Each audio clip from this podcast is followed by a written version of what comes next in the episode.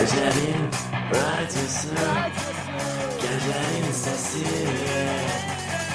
Kajarin radyosu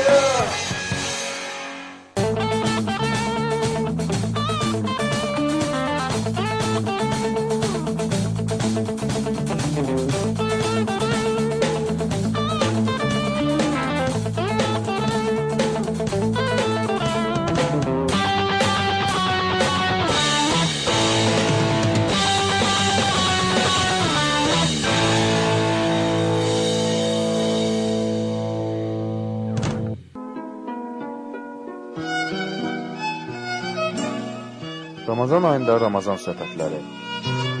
Həftənin cümə günü 20:00-da. GS rəhbərlər.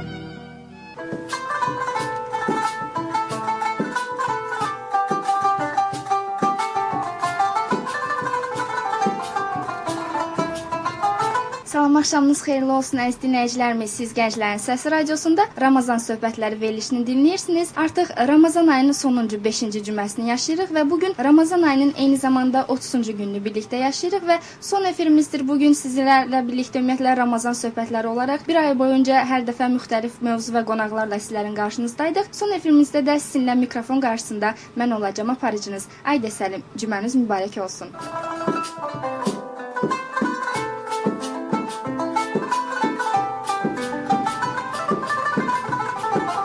Əziz dinləyicilərimiz, bu gün Ramazan söhbətləri verilişinin sonuncu efiridir və bu gün də fərqli mövzumuz və dəyərli bir qonağımız vardır. İcazənizlə ilk olaraq sizlərə mövzumuzu təqdim edim. Belə ki, Qafqaz Müsəlmanları İdarəsi Ramazan bayramı namazının vaxtı ilə əlaqədar artıq açıqlama verib. Belə ki, bayram namazı iyul ayının 18-də qılınacaq. Namazın vaxtı isə Təzəpir məscidində səhər saat 10:00-da, Əjdərbəy məscidində isə səhər saat 9:00-da müəyyən olunub. Elə bu gün biz də məhz sizinlə eyni zamanda qonağımızla Ramazan bayramı və bu bayramda ediləcək ibadətlər, əməllər haqqında danışacağıq. Qonağımıza gəldikdə isə bu gün çox dəyərli bir qonağım var. E, qonağımız isə ilahiyyatçı Hacı Şahin Həsənlidir. Hacı xoş gəlmisiniz. Çox sağ olun, təşəkkür edirəm. E, Ramazan ayınız, cümləniz və sabahkı bayramınız bir daha mübarək Təşəkkür olsun. edirəm, sizlə bilirdi, çox sağ olun. E, və e, Hacı e, ilk olaraq e, icazənizlə bizim bir e, rubrikamız vardır. Günün hədisi adlanır. Biz hər dəfə İslam peyğəmbərindən bir hədis səsləndiririk. İcazənizlə hədis səsləndirin, daha sonra söhbətimizə başlayacağıq. Buyurun. Peyğəmbəri Həzrəti Məhəmməd buyurur: Ramazan ayında qılınmış bir vacib namaz başqa aylardakı 70 namazdan daha xeyirlidir. Bu ayda hər kim mənə çoxlu salavat göndərsə, qiyamət günündə əməllər hesablananda xeyir əməlləri ağır gələr. Bu ayda Qurandan bir ayə oxuyan şəxs başqa aylarda bütöv Quranı başa vurmuş adam qədər savab qazanar.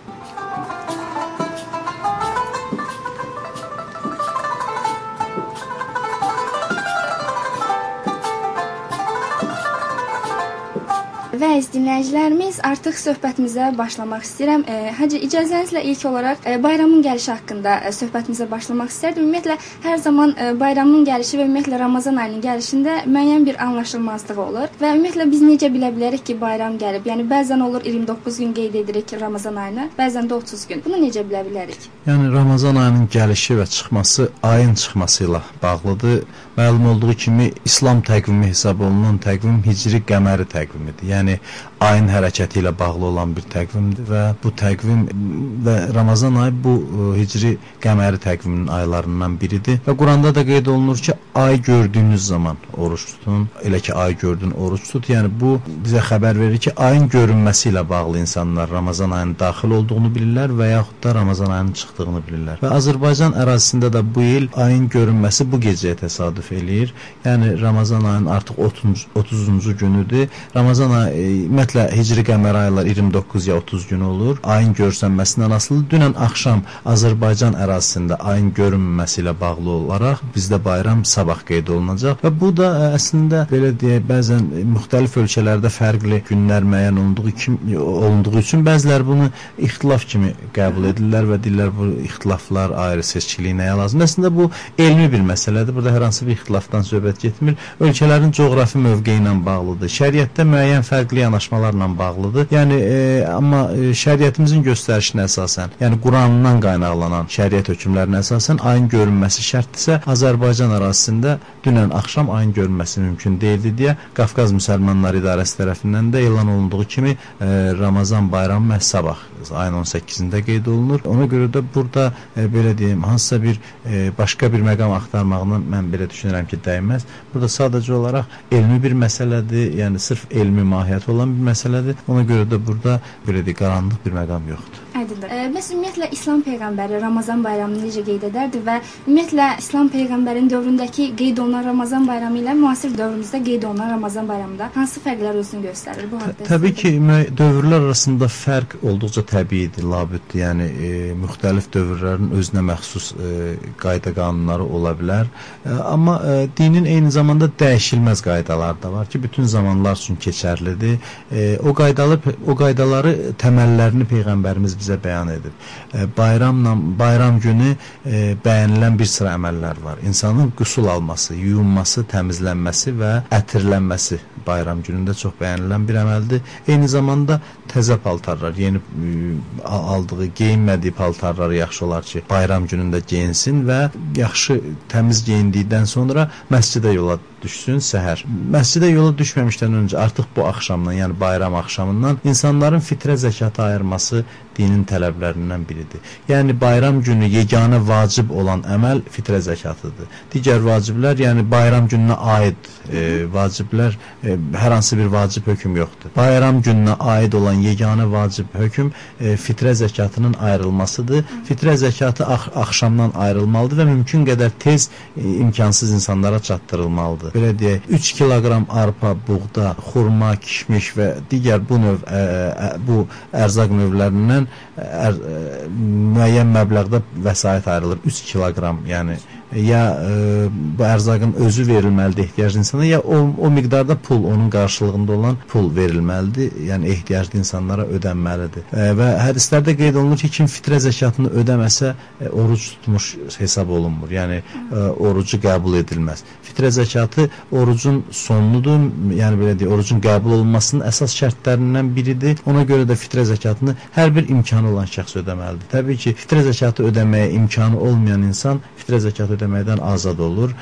Eyni zamanda fitrə zəkatı kimlərə ödənməlidir? Ehtiyaclı insanlar. İşləyib işləməməsindən asılı ol olmayaraq, insan öz gündəlik təm e, ehtiyaclarını təmin edə bilmirsə, aylıq ehtiyaclarını təmin edə bilmirsə, ona biz ehtiyaclı insan deyirik. Yəni öz e, tələb olunduğu qədər e, maddi vəsaitə malik deyil, e, im maddi imkanları məhduddursa, bu insanlara e, belə deyək, fitrə zəkatının verilməsi vacibdir. Yəni ehtiyaclı insanlara hər kəs öz tanı tanıdığı qohumların içində, dostlarının, tanışlarının, qonşularının içində yoxsul insanlar tap onlara fitrə zəkatı ödəyə bilər və fitrə zəkatı ödənən zamanda e, bunun məhz fitrə zəkatı olduğunu demək də vacib deyil.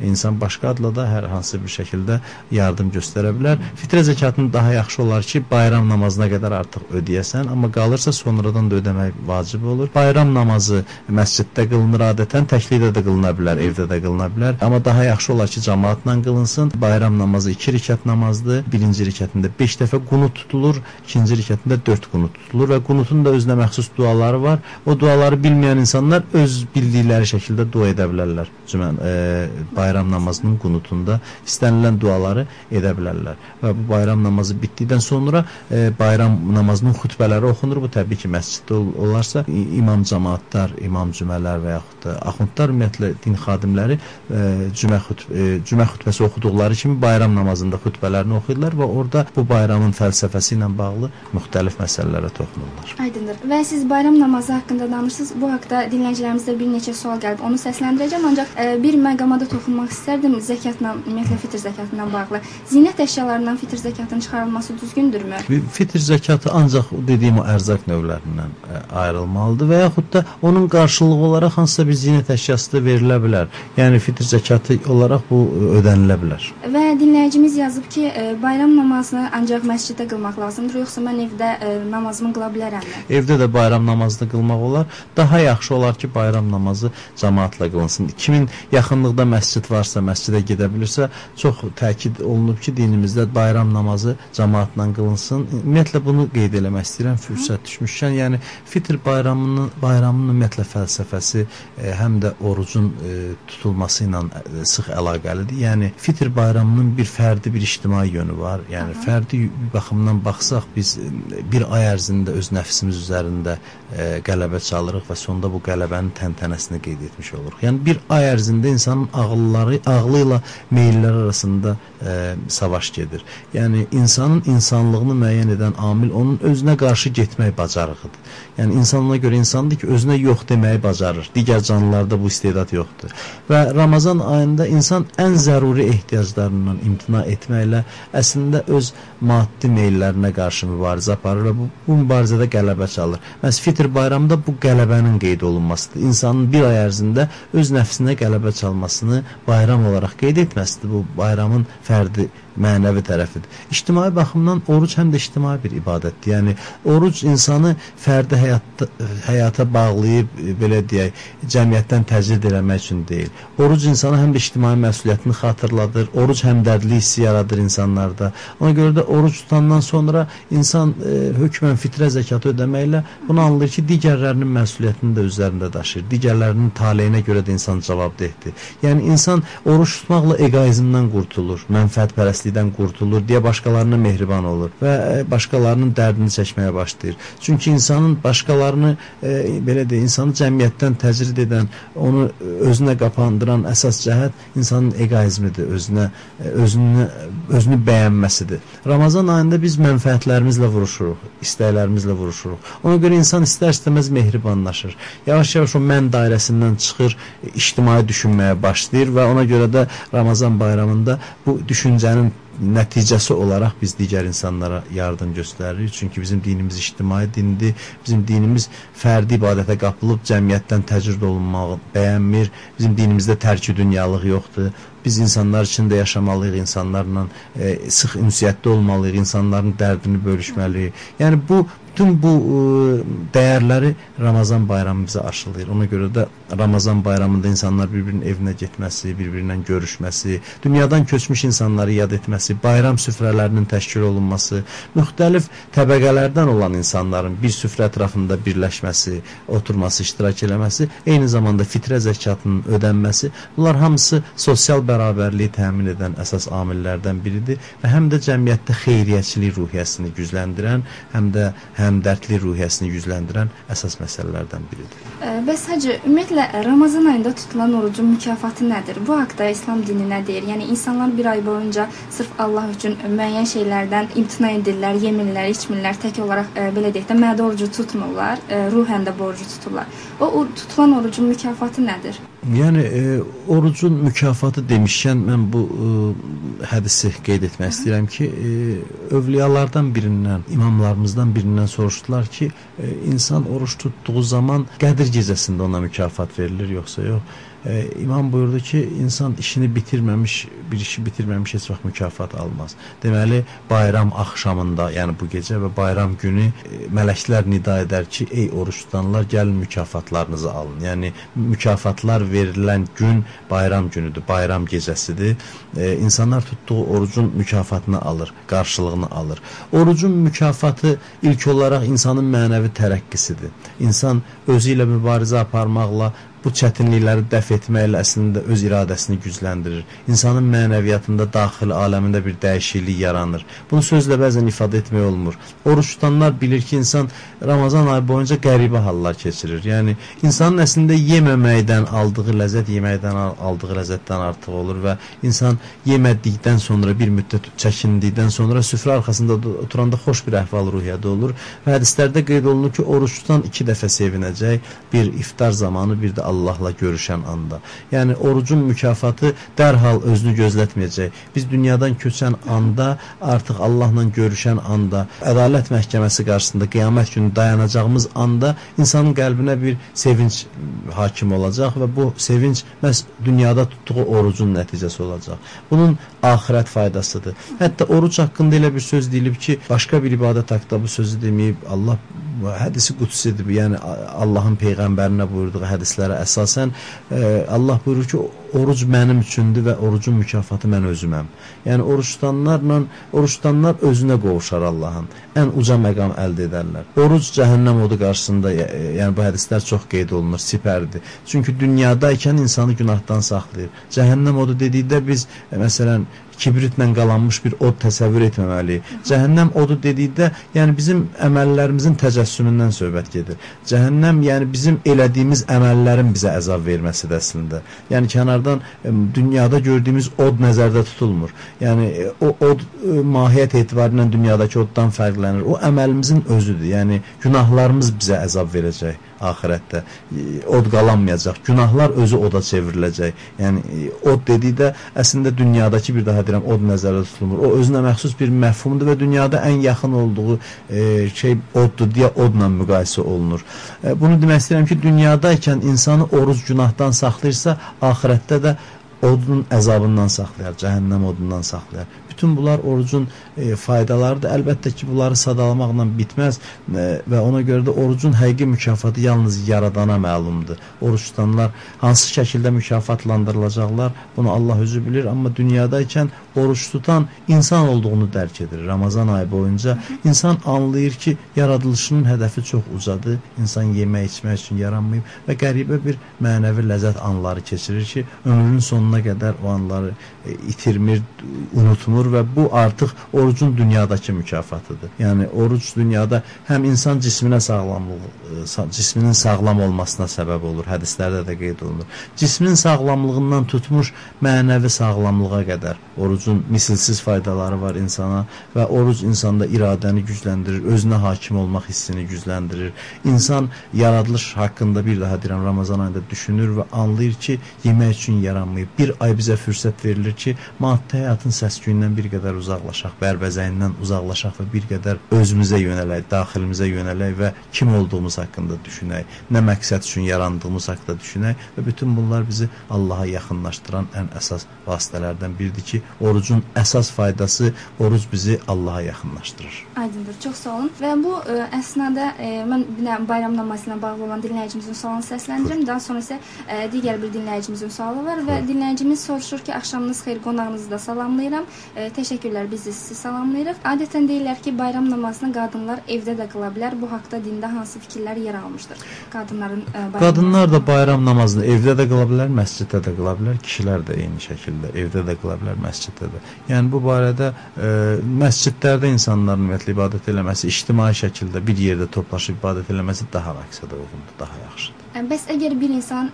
məsələn ə, oruç tutur ancaq namaz qılmırsa, o insanın bayram namazına qatılması və Hər halda bayram namazında iştirak eləməsindən ona hər hansı bir ziyan toxunmaz. Təbii ki, namaz qılmaq, gündəlik namazları qılmaq vacibdir, amma bir adam bu namazları qılmırsa, yenə də bayram namazından imtina etməməlidir. Bütün bu əməlləri e, icra etməsi e, ancaq və ancaq onun öz xeyrinə ola bilər. aydındır.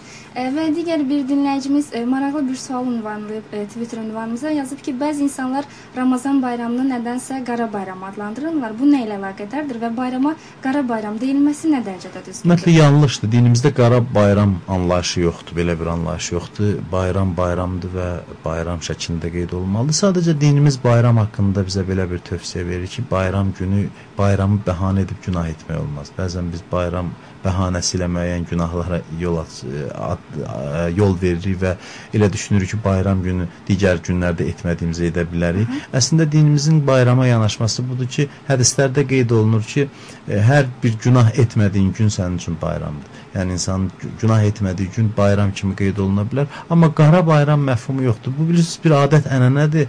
E, yaxınını itirən bir insan növbəti il istər bayram, e, Novruz bayramı olsun, istər Ramazan bayramı, istər Qurban, istənilən bayramı qara bayram olaraq bu il ərzində qeyd eləyir. Bu əslində dinlə əlaqəli yox, milli adət-ənənələrimizlə bağlı bir məsələdir. Amma dinimizdə qara bayram anlayışı yoxdur ümumiyyətlə. Yəni Ramazan bayramına da qara bayram deyilməsi düzgün Bəli, deyil. heç heç bir bayrama yəni qara bayram deyilməsi düz deyil. Yəni bu insanların sadəcə olaraq kiminsə yasda olduğunu, olduğunu ifadə edir ki, onlar da qara bayramdır. Yəni bu mənada bu dillərdə olub. Yəni bunun İslam dinindən hər hansı bir əlaqəsi yoxdur. Aydındır. Və mən e, biraz da öyrənmək istərdim. E, Ramazan ayından sonrakı ayda e, deyirlər ki, e, Şəvval ayında 6 gün oruç tutmaq var. Bu məsələyə aydınlıq gətirməni istəyirəm. Yəni bir əziz qonağı insan e, yola salarkən bir neçə addım onunla irəliləyir və onu yola salır, müşahidə edir. E, Ramazan ayını əziz qonaq kimi qəbul edən insanlar e, bayramdan sonra 6 gün oruç tutmaqla sanki onu yola salırlar. Ramazan bayramı günü məlum olduğu kimi oruç tutmaq haramdır, qadağandır. Yəni həmin gün oruç tutmaq yol yol verilməzdir, günaha səbəb olar. Yəni bir insan Ramazan bayramı günü oruç tutsa günah etmiş olur. Ona görə həmin gün oruç tutmur, sonra bayramın səhərindən 6 gün e, oruç tuta bilər insan. Təbii ki, bu vacib deyil, müstəhəb orucdur. Yəni istəyən istəyən insan bunu tuta bilər, tutmaya da bilər və e, 6 gün tutmayan insan bir gün də tuta bilər, 2 gün də tuta bilər. Yəni nə qədər gücü çatırsa heç tutmaya da bilər. Yəni bu artıq insanın öz seçiminə bağlı olan məsələdir. Amma kimsə tutmaq istəyirsə bayramın səhərindən başlayaraq 6 gün ardıcıl olaraq Şəvvalın ə, deməli 7-sinə qədər olur da təxminən. İkisi e, və ondan sonra 6 gün. İkisi də daxil olmaqla.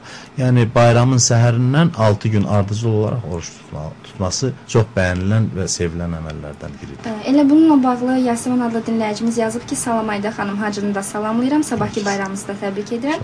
E, Hacıdan soruşmaq istərdim ki, mənim bu Ramazanda bir neçə gün qəzam oldu və o qəzalarımı tutub sonra Şəvval ayındakı orucu tutmalıyam ya qəzamı tutmadan? Qəzanı tutmadan müstəhəb oruç tutmaq olmaz. Boynunda qalıb qəza qalıbsa gərək həmin günlər qəza niyyəti ilə oruç tutsun. Bəs əgər e, məsələn az öncə dediniz ki, Şəvval ayının 2-sindən 7-sinə qədər Onda elə öz qəzalarını da ora sala bilər. öz qəzalar. Öz qəzalarının həmin savabı da əldə etmiş olacaq. E, O zaman Şəvvalın sonunda tutulan e, oruc o Şəvvalın 6 günün orucuna daxil deyil o. Xeyr, yəni Şəvvalın 6 günündə e, elə öz tutmadığı günlərin qəzasını tuta bilər, sonra da başqa ə, oruclar tuta bilər, yəni istədiyi. Amma qəzası boynunda qalıbsa digər niyyətlə oruç tutmaq, tutması düz deyil. Aydındır. E, ümid edirik ki, dinləyicimiz də e, eşitdi cavabını və digər bir dinləyicimiz də yazıb ki, e, axşamınız xeyir Ayda xanım, zəhmət olmasa hacıdan soruşardınız. Dünən narahat idim və məcburən orucumu açmağa məcbur oldum. Bu indi bilərəkdən orucu pozmaq hesab olunur, ya necə? Qəzası, qəzası üçün nə etməliyəm? Rəhmətli Əgər dinləyicimiz. narahatlıq, yəni e, ciddi bir narahatlıqsa, insanın səhhətində ciddi bir problem yaranırsa, dözülməz hala düşürsə insan və yaxud da oruç tutmaq onun səhhətinə ciddi ziyan e, verirsə, o halda insan orucunu pozmalıdır. Hətta tutsa günah etmiş olur. Yəni səhhətinə ciddi zərbə vurursa. Amma ə, orucun bəzi təbii narahatlıqları olur. İnsan oruc halında müəyyən bir diskomfort hiss eləyə bilər təbii ki, cismani, fiziki baxımdan. Bunlar əsas ola bilməz ki, insan ə, hər bir narahatçılıq üçün orucu pozsun. Yəni narahatçılıq ciddi olarsa və həkim məsləhəti ilə olarsa ki, insanın səhhətinə oruç tutmaq ziyandır, bu halda orucunu poza bilər. Amma ə, üzürsüz səbəbdən orucu pozan insan 60 gün oruç tutmalı və yaxud da ə, 60 ehtiyaclı insanı ə, yedizdirməlidir. Yəni onların ehtiyaclarını ödəməlidir. 60 ehtiyaclı insana məsələn bir çörək miqdarında, 2 çörək miqdarında ə, həddində bir yemək verərsə, 2 çörək versə kifayət edər. Yəni və yaxud da 60 insanı tam bir yerə toplayıb doyurmaq. Bu orucun kəffarəsi hesab olunur. Oruc üzürsüz pozmağın. O xanım hansı şəkildə orucu pozub mən bilmirəm. Əgər üzürlü şəkildə olubsa, yəni ciddi narahatçılıq olsa, o zaman bir gün əvəzində bir gün qəza orucu tutmalıdır. Aydın. Və mən bir də e, ümumiyyətlə e, Ramazan ayının e, cəmiyyətə olan faydalarından siz e, ilk olaraq danışanda bu haqqda danışdınız, amma e, biraz geniş məlumat almaq istərdim. Ümumiyyətlə cəmiyyət olaraq Ramazan ayında cəmiyyətin üzərinə düşən vəzifələr. Yəni istər Ramazan ayının e, belə deyək, mənəvi tərəflərini insanlara çatdırmaq, onun sosial faydalarını insanlara çatdırmaq üçün cəmiyyətin üzərinə hansı vəzifələr düşür və biz insanlar e, bu ayda nələr etməliyik? Bizim üzərimizə hansı vəzifələr düşür? Bəli, çox e, lazımlı bir sual düşünürəm. Yəni ictimai faydası olan əməllərdən birincisi mən deyərdim ki, orucdur. Yəni ən önəmlilərdən, birincilərdən hesab etmək olar Ramazan ayının orucunu. Hədislərdə də qeyd olunur ki, oruc zənginlərin ehtiyac ehtiyaclı insanları xatırlaması üçündür. Yəni orucda bir bərabərlik var. Oruç tutan insan bir daha deyirəm, e, yalnız özünü düşünə bilmir. Oruç tutan insan ac qalmaqla aclığın nə olduğunu anlayır, başa düşür. Oruc qəlbləri, ürəkləri bir-birinə yaxınlaşdırır. Ümumiyyətlə cəmiyyətdə insanlar arasında ixtilafların kökündə nə dayanır? İnsanların bir-biri üçün fədakarlıq etməyə hazır olmaması. Məsələn, ailələr dağılır. Əsasən, məsələn, boşanmalar baş verir. Biz e, araşdırdığımız zaman görürük ki, hər bir ailəni quran hər bir şəxs, yəni iki tərəfdən biri digərindən nəsə tələb edir. Yəni heç kəs qarşı tərəfə nəsə verim, nəsə bəxş edim haqqında düşünmür.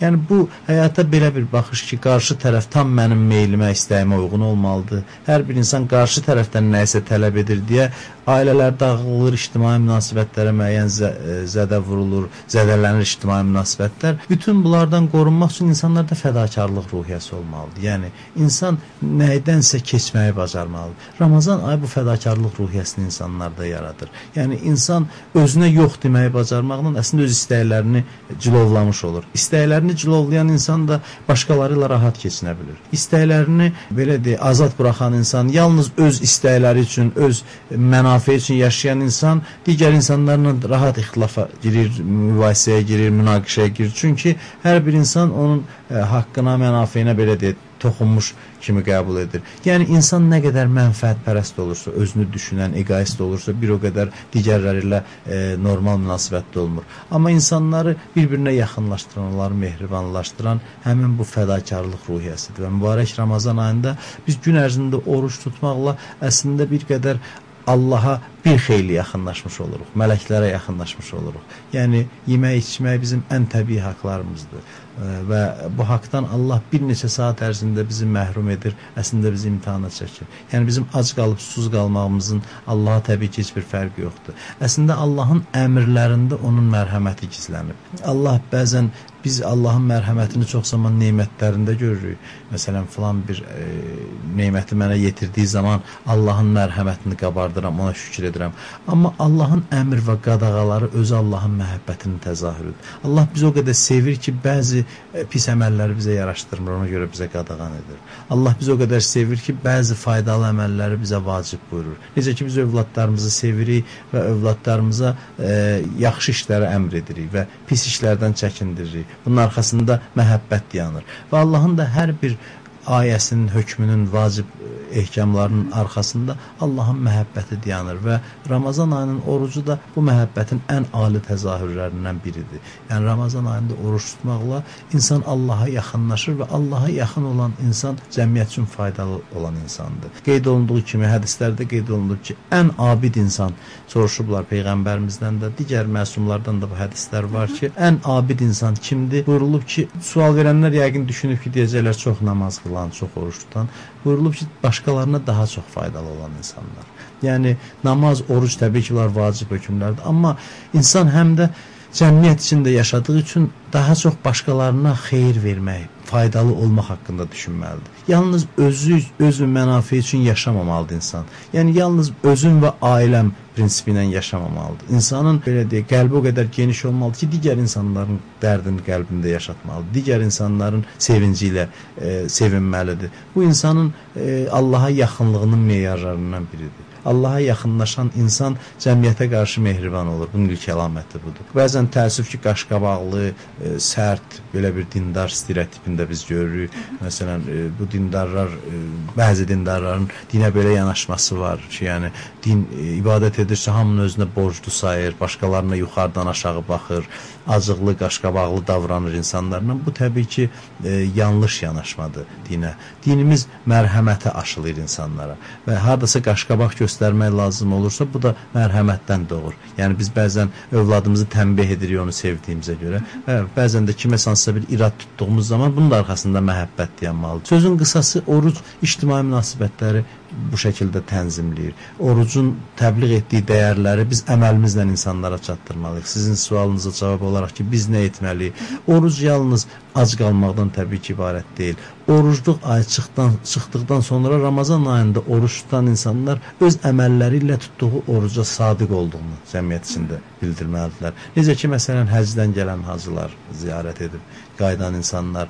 Bu tövsiyələri biz edirik, özümüzə də bu tövsiyəni edirik. Çünki ə, adətən birində bir nöqsan olanda hamını ümumiləşdirib deyirlər ki, hacılar belədir, məsələn namaz qılanlar belədir və yaxud da oruç tutanlar belədir. Ona görə də e, o dəyərləri Allahın hökmlərinə əməl edən insanlar gündəlik həyatında o dəyərləri yaşatmalıdırlar. Sözləri ilə əməllər arasında bir uyğunluq olmalıdır. Yəni ziddiyyət olmamalıdır. Biz bəzən gözəl danışırıq, başqalarına nəsihət edirik, amma danışdığımızın heç bir faizini özümüz əməl etmirik və bu artıq bizim özümüzə qarşı və o təbliğ etdiyimiz dəyərlərə qarşı bir bədbinlik yaradır insanlarda. Ona görə də e, bizim üzərimizə çox böyük məsuliyyət düşür. düşür. Orucun bu xeyirxah missiyasını bəşəriyyətə çatdırmaq. Doğrudan da bu din nə qədər humanist bir dindir ki, insanı belə deyək, bu qədər zəruri ehtiyaclarından imtina etməyə vadar edir ki, insan özünü düşünən, mənfəətpərəst olmasın və e, iftar verməyə bu qədər təkid edir. Qurban orucluq bayramı günü digər insanlara yardım etməyə vacib bir hökm kimi elan edir. Görün, yəni bu cəmiyyətə qarşı nə qədər sayğı ilə yanaşmağı, başqa insanlarla həmdərd olmağı bu din nə qədər tövsiyə edir ki, Ramazan ayı bitən kimi deyir, hökmən fitrə zəkat ödənməlidir. Kim bir oruç tutana bir xurma ilə, bir içim su ilə belə e, iftar verərsə bir qul azad etmiş kimi olur. Bütün bu e, məsələlər ictimai məsələlərdir əslində. Yəni orucun ictimai faydasına aid olan məsələlərdir. Oruc yalnız müəyyən saatlarda ac qalmaq deyil. Bəzi insanlar da ac qalır, susuz qalır, daha da əsəbi olur və başqa insanların qəlbini sındırır. Əslində oruc bu deyil. Oruc bütün bədən üzvlərinin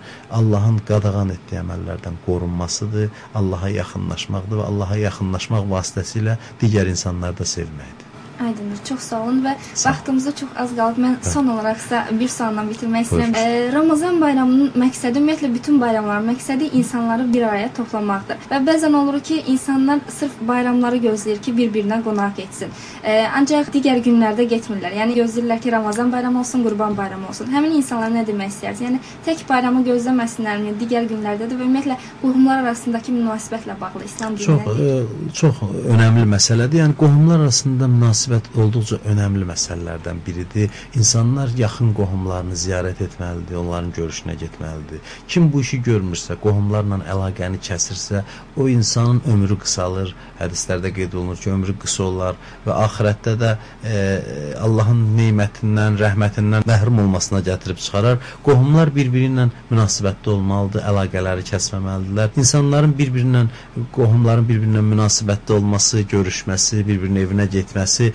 əslində onların həm dünyada ruzlarının artmasına səbəb olur, həm ömürlərinin uzanmasına səbəb olur, firavanlıq içində yaşamalarına səbəb olur. Eyni zamanda axirətdə böyük savaba çatmalarına səbəb olur. İnsan bir hədiyyə alıb əlində qohumunun evinə gedirsə, istənilən vaxt onun hər addımında onun üçün savab yazılır. O ibadət etmiş kimidir. Allah rizası üçün bu işi görürsə, yəni o ibadət yalnız namaz qılıb oruç tutmaq deyil. Başqalarına yaxşılıq, insanlara e, mərhəmət hissi ilə yanaşmaq, xeyirxahlıq hamısı böyük ibadət hesab olunur və Ramazan ayında e, bu əməlləri etmək bir halda yaxşı olar ki, digər aylarda da davam edə. Yəni bayramlar bizi təşviq etsin bu əmələ. Nəinki sırf bir ənənəyə çevrilsin ildə bir dəfə e, biz e, toplaşaq. Əksinə e, ildə bir dəfə top, Ram Ramazan bayramında ya Qurban bayramında ya e, milli bayramlarımızda toplaşdığımız zaman bunun özünün faydalarını düşünək və çalışaq ki, başqa e, günlərdə də bu ənənəni davam elətdirək. Bu həm də belə deyək, həyatı insan üçün mənalı edir.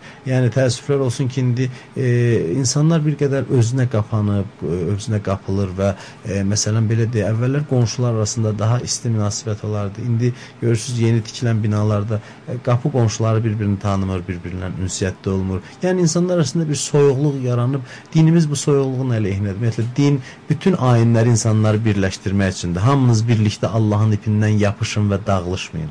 Quranın belə bir ayəsi var. İslam vəhdətə, birliyə səsləyir insanları, e, ixtilafdan, soyuqluqdan uzaq olmağa çağırır. Yəni bu həm də insanın öz xeyrinədir. Bu insanların o insanlar ki, başqa insanlarla e, ünsiyyətdə olurlar, başqa insanlara sevinc bəxş edirlər. Onların ruhiyyəsi pozitiv olur. Onlardan insanlar enerji alır. Yəni onların özü üçün də daha xoş olur yaşamaq. Yaşamaq daha mənalı olur. Amma ixtilaflar çox olan yerdə, soyuqluq olan yerdə e, həyatdan alınan ləzzət də azalır. İnsanlar sadəcə gün keçirməklə məşğul olurlar. Və bu bayramlar bizə e, bir-birimizə yaxınlaşmaq üçün böyük bir fürsətdir, insanların qəlblərinin bir-birinə yaxınlaşması üçün böyük bir fürsətdir və mən də bu fürsətdən istifadə edib e, verilişin sonu dediniz. Mən də bütün Azərbaycan xalqını e, sabahki bayram münasibəti ilə təbrik edirəm. Bütün oruç tutanların e, bayramını təbrik edirəm. Bütün xalqımızın, bütün müsəlmanların bayramını təbrik edirəm və e, Allahdan uzun ömür,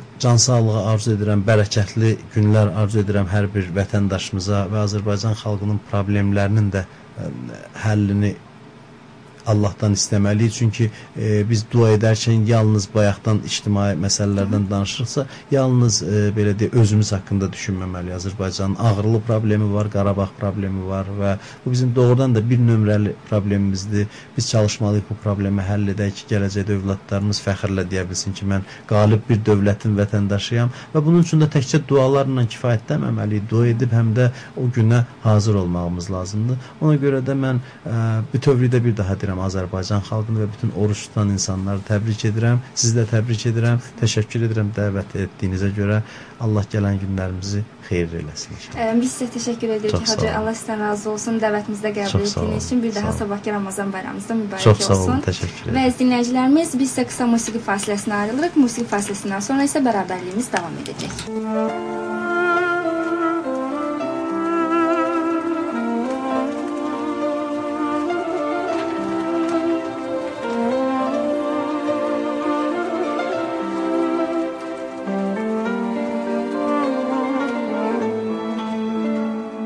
Sen ruhumda can ilk aşk senle hissettim heyecan. Sen varsan bende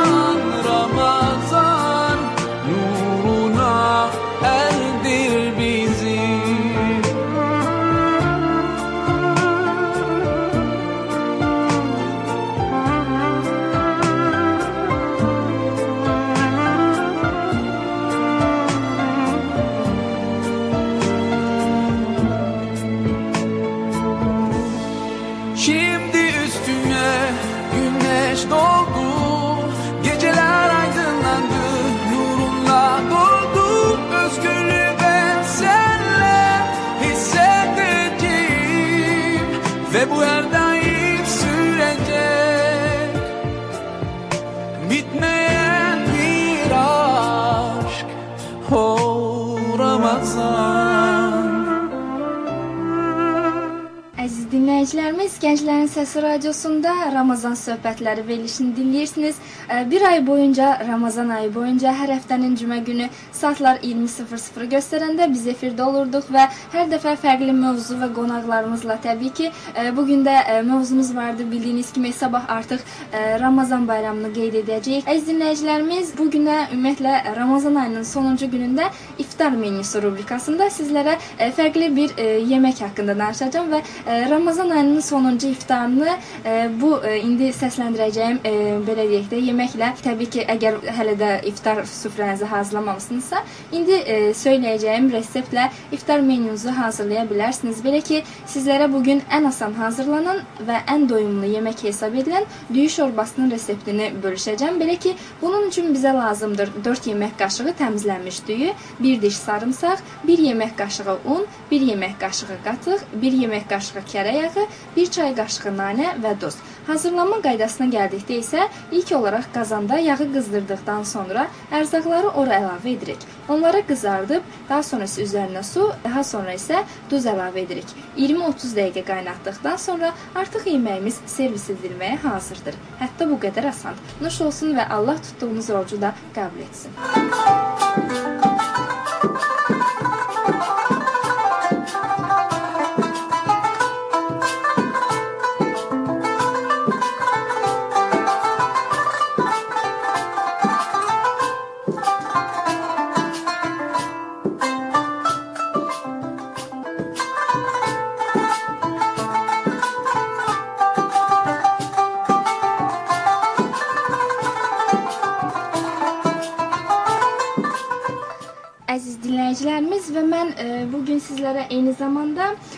Ramazan bayramının məqsədi haqqında danışmaq istərdim və eyni zamanda sizlərdən gələn bir neçə fikirlər və təbrik mesajları vardır. İcazənizlə təbii ki, fikirlərinizi də e, birazdan səsləndirəcəm. E, çalışacağam hər birini səsləndirim. Ümumiyyətlə Ramazan bayramının məqsədlərindən biri az öncə də qeyd etdiyimiz kimi bütün insanların toplanması və görüşməsidir. Müsəlmanlar bayramda görüşür, bir yerdə namaz qılırlar. Oruc ibadətlərini bitirdikdən sonra müsəlmanlar bayram keçirir və bir yerə yığılırlar.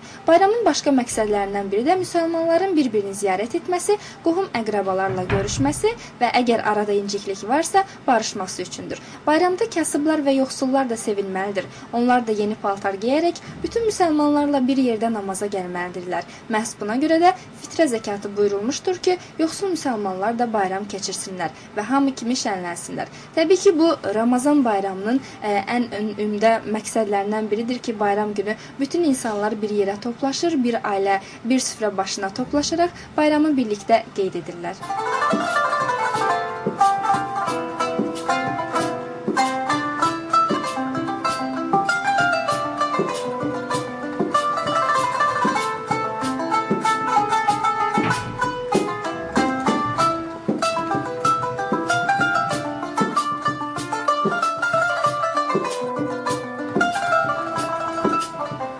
Dinləyicilərimiz, son olaraq isə efirimizin sonuna son 2 dəqiqə qalıb və sizlərdən gələn e, mesajlar vardır. İcazənizlə onları səsləndirim. Gülnar Xıdırova adlı dinləyicimiz yazıb ki, salam ayda qonağınızı da salamlayıram. Mən də öz adımdan sabahki bayram münasibətilə hər kəsi təbrik edirəm. Təşəkkürlər Gülnar, e, bizim daimi dinləyicilərimizdəndir və hər efirdə bizi e, mesajlarınızla e, tək qoymadığınız üçün də biz sizə təşəkkür edirik və biz də sizin bayramınızı təbrik edirik.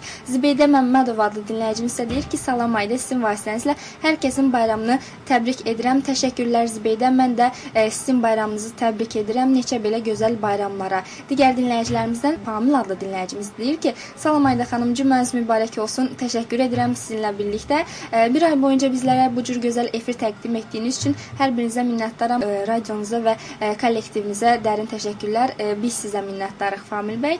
Kamil adlı dinləyicimiz isə deyir ki, "Axşamınız xeyir Ayda xanım. İndidən bayramınızı təbrik edirəm.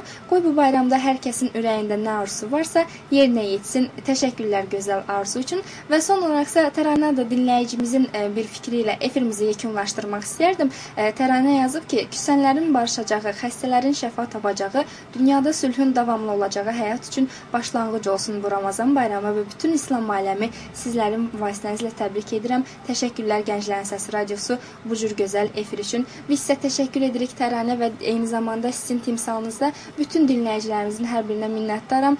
Bir ay boyunca bizi tək qoymadığınız üçün, hər efirdə fikirlərinizi bildirdiyiniz üçün, eyni zamanda bizi dinlədiyiniz üçün hər birinizə minnətdaram.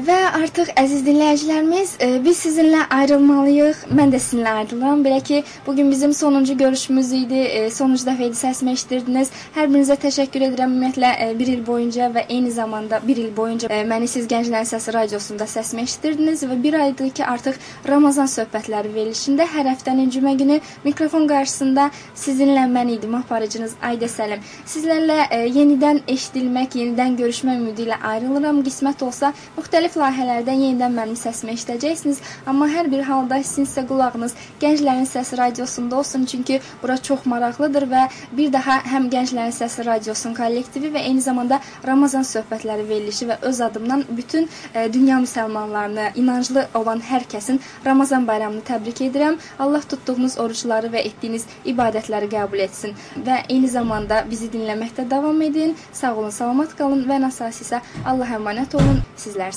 благодарность.